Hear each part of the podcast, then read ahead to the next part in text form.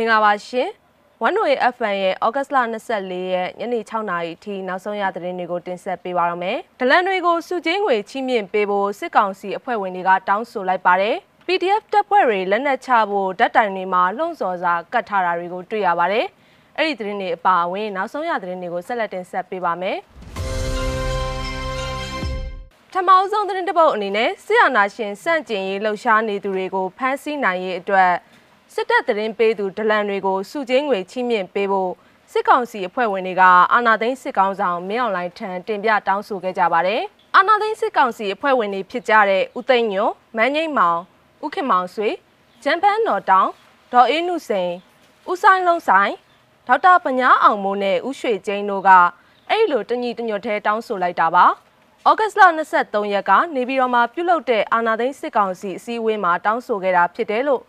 ဩဂတ်စ်လ24ရက်ထုတ်စစ်ကောင်စီသတင်းစာမှာဖော်ပြထားပါတယ်။ဒါပြင် CRPH, NUG နဲ့လက်အောက်ခံအဖွဲ့အစည်းတွေကိုငွေကြေးနဲ့ပစ္စည်းတွေစုဆောင်းထောက်ပံ့နေသူတွေကိုလည်းအကြမ်းဖက်မှုတိုက်ဖျက်ရေးဥပဒေနဲ့အညီအရေးယူပေးဖို့စစ်ကောင်စီအဖွဲ့ဝင်တွေကတိုက်တွန်းခဲ့ကြပါတယ်။စစ်ကောင်စီအဖွဲ့ဝင်တွေဟာဒေါ်လာဈေးနဲ့ရွှေဈေးကိုကစားနေသူတွေကိုရှာဖွေဖော်ထုတ်အရေးယူဖို့ PDF တွေကိုတင်နန်းပေးတာနဲ့လက်နက်ပစ္စည်းတွေထောက်ပံ့နေတဲ့တိုင်းရင်းသားလက်နက်ကိုင်အဖွဲ့အစည်းတွေကိုထိရောက်စွာတားဆီးပေးဖို့ စစ်ကောင်စီဥက္ကဋ္ဌကိုတင်ပြတောင်းဆိုခဲ့ကြတယ်လို့လည်းသိရပါဗျ။အဲ့ဒီတင်ပြချက်တွေနဲ့ပတ်သက်ပြီးစစ်ကောင်းဆောင်မင်းအွန်လိုင်းက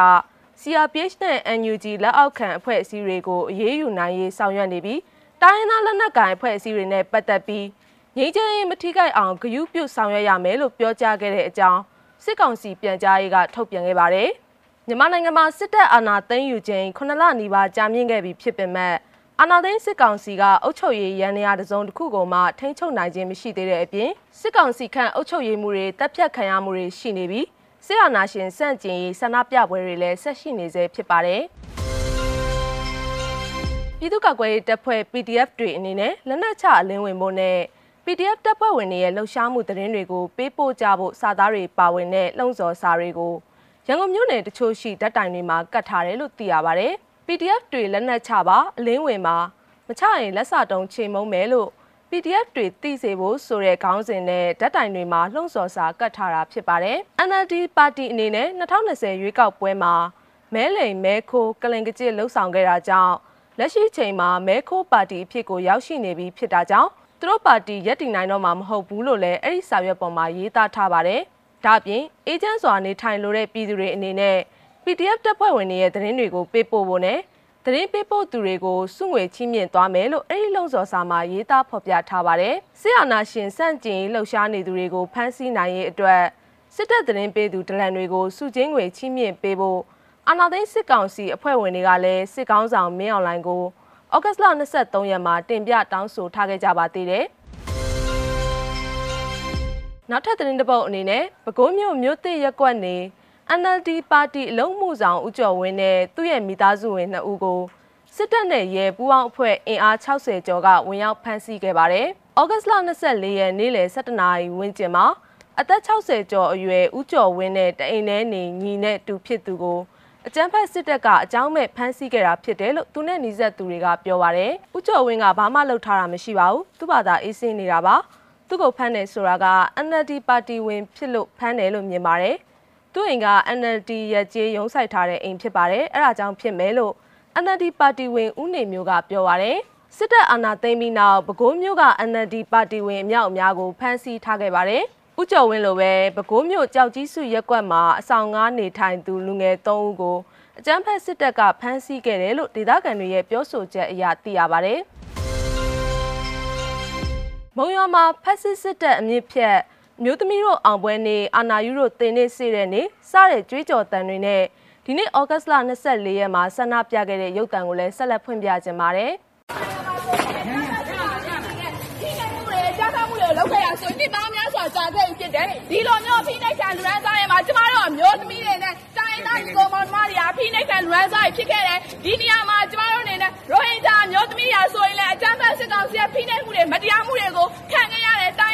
ကိုမောင်နှမတွေလည်းခံခဲ့ရတယ်။အဲ့ဒါကျမတို့အမျိုးသမီးတွေအနေနဲ့ကျမတို့အမျိုးသမီးတွေပေါ်မှာဖိနှိပ်မှုတွေပြုလုပ်နေတဲ့စစ်ကောင်စီရောအမျိုးသမီးတွေရဲ့ဘုံနဲ့ကျမတို့ကချိန်မောင်းမယ်။ကျမတို့အမျိုးသမီးတွေကိုဖိနှိပ်ခဲ့တဲ့စစ်ကောင်စီကိုကျမတို့အမျိုးသမီးတွေရဲ့အင်အားတွေကိုပြသမယ်။ဒီနေရာမှာဖိနှိပ်ကရိုဟင်ဂျာအမျိုးသမီးတွေနဲ့ကျမတို့အမျိုးသမီးတွေကလည်းတူတူတသားတဲ့ရည်တည်နေတယ်ဆိုတာဖော်ပြမယ်။အဖိနှိပ်ကရန်ဆောက်လို့တတ်မှတ်ခံရတဲ့အမျိုးသမီးတွေရဲ့စွမ်းအားကိုကျမတို့ကပြသတော့ဖြစ်တယ်။အဲ့ဒါကျမတို့အနေနဲ့က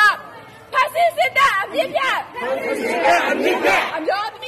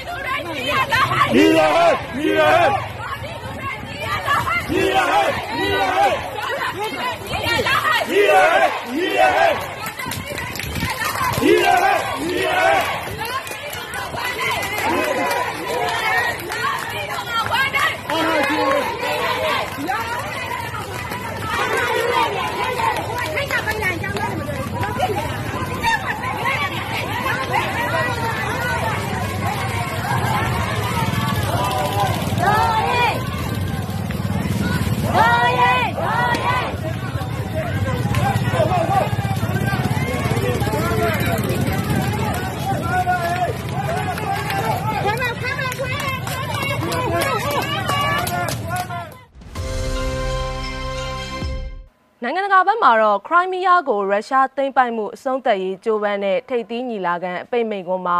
ယူကရိန်းသမ္မတဗလော်ဒီမာဇယ်လန်စကီကခရိုင်းမီးယားမူဝါဒကြီးညာစာတမ်းကိုတင်ပြခဲ့ပြီးရုရှားဟာနိုင်ငံတကာအဆင့်အရာကျူးကျော်သူနိုင်ငံလို့အပြင်းအထန်ပြောဆိုဝေဖန်ခဲ့ပါတယ်။လွန်ခဲ့တဲ့9နှစ်ကရုရှားကျူးကျော်သိမ်းပိုက်ခဲ့တဲ့ခရိုင်းမီးယားကျွန်းဆွယ်လွတ်လပ်ရေးနဲ့ပတ်သက်ပြီးအခုညီလာခံဖွင့်ပွဲမှာတက်ရောက်ပါဝင်ဖို့ နိုင်ငံပေါင်း40ကျော်ထက်မနည်းဟာယူကရိန်းနိုင်ငံစီကိုယ်စားလှယ်တွေဆစ်လွတ်ခဲ့တာပါအခုညီလာခံနဲ့အတီးပြုတ်ထားတဲ့ဒီကျင်ညာစာတမ်းကိုဖြစ်နိုင်သမျှတူတူတောင်းတောင်းနဲ့မှန်မှန်ကန်ကန်ဘယ်လိုရည်ညွှန်းပြောဆိုရမလဲဆိုတာကျွန်တော်တွေးပါတယ်စကလုံးလေးလုံးနဲ့လုံလောက်ပါတယ်ခရိုင်းမီးယားအရေးကပြည်ဖုံးကားမချသွားဘူးဆိုတာပါပဲဒါမှမဟုတ်ခရိုင်းမီးယားဟာယူကရိန်းအပိုင်ပဲလို့စကလုံးသုံးလုံးနဲ့လည်းဖော်ပြလို့ရတယ်ဆိုပြီးဇယ်လန်စကီကပြောပါတယ်နိုင်ငံတကာအဆင့်မှာပထမဆုံးအဖြစ်ရုရှားနိုင်ငံကို ကျူးကျော်သူနိုင်ငံအဖြစ်နိုင်ငံတကာလူသားချင်းစာနာထောက်ထားရေးဥပဒေစံနှုန်းတွေအရယာယီသိမ်းပိုက်ခံထားရတဲ့ခရိုင်မီးယားကလူခွင့်ရေးချိုးဖောက်မှုတွေကိုချက်ချင်းရပ်တန့်ပြရမှာဖြစ်တယ်ဆိုပြီးသူကပြောပါတယ်ခရိုင်မီးယားကိုပြန်လည်သိမ်းယူဆောင်ကျင်းနိုင်ရေးမှာနိုင်ငံတကာအထောက်အကူမပါဘဲယူကရိန်းတနိုင်ငံနဲ့ဘယ်တော့မှစွမ်းဆောင်နိုင်မှာမဟုတ်ဘူးလို့ဇယ်လန်စကီကဝန်ခံပြောဆိုပါတယ်ယူကရိန်းမှာ2014ခုနှစ်ကအနောက်အုပ်စုထောက်ခံတဲ့ဆန္ဒပြသူတွေက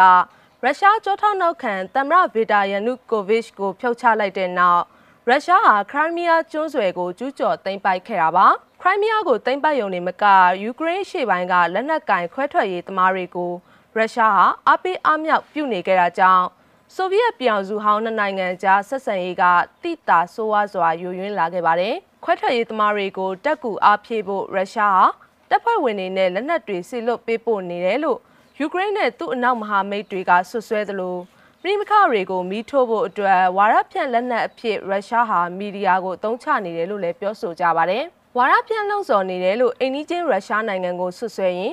ဒဏ်ခတ်ပိတ်ဆို့မှုနောက်ဆုံးအတော့အဖြစ်ယူကရိန်းနိုင်ငံဟာနမရရုရှားမီဒီယာအချို့ရဲ့ website တွေကိုတနင်္လာနေ့မှာပိတ်ပင်ခဲ့ပါတယ်။အခုယူကရိန်းရဲ့လုပ်ရဟာလွတ်လပ်စွာပြောဆိုခွင့်ကိုနှိပ်ကွပ်တဲ့လမ်းကြောင်းပေါ်ရောက်လာခဲ့ပြီး စိတ်လိုတိုင်းမဟုတ်တဲ့နာလိုခံခတ်တဲ့သတင်းအချက်လက်တွေကိုကန့်သက်လာတာပဲဖြစ်တယ်လို့ရုရှားကဝေဖန်ပြောဆိုခဲ့ပါတယ်။ဝန်နိုရဲ့ FN ရဲ့ညနေပိုင်းနောက်ဆုံးရသတင်းတွေကိုတင်ဆက်ပေးခဲ့တာပါ။နားဆင်ပေးခဲ့ကြတဲ့ပြည်သူတွေအားလုံးစိတ်ချမ်းသာခြင်းကိုယ်ကျန်းမာခြင်းနဲ့ပြည့်စုံနိုင်ကြပါစေရှင်။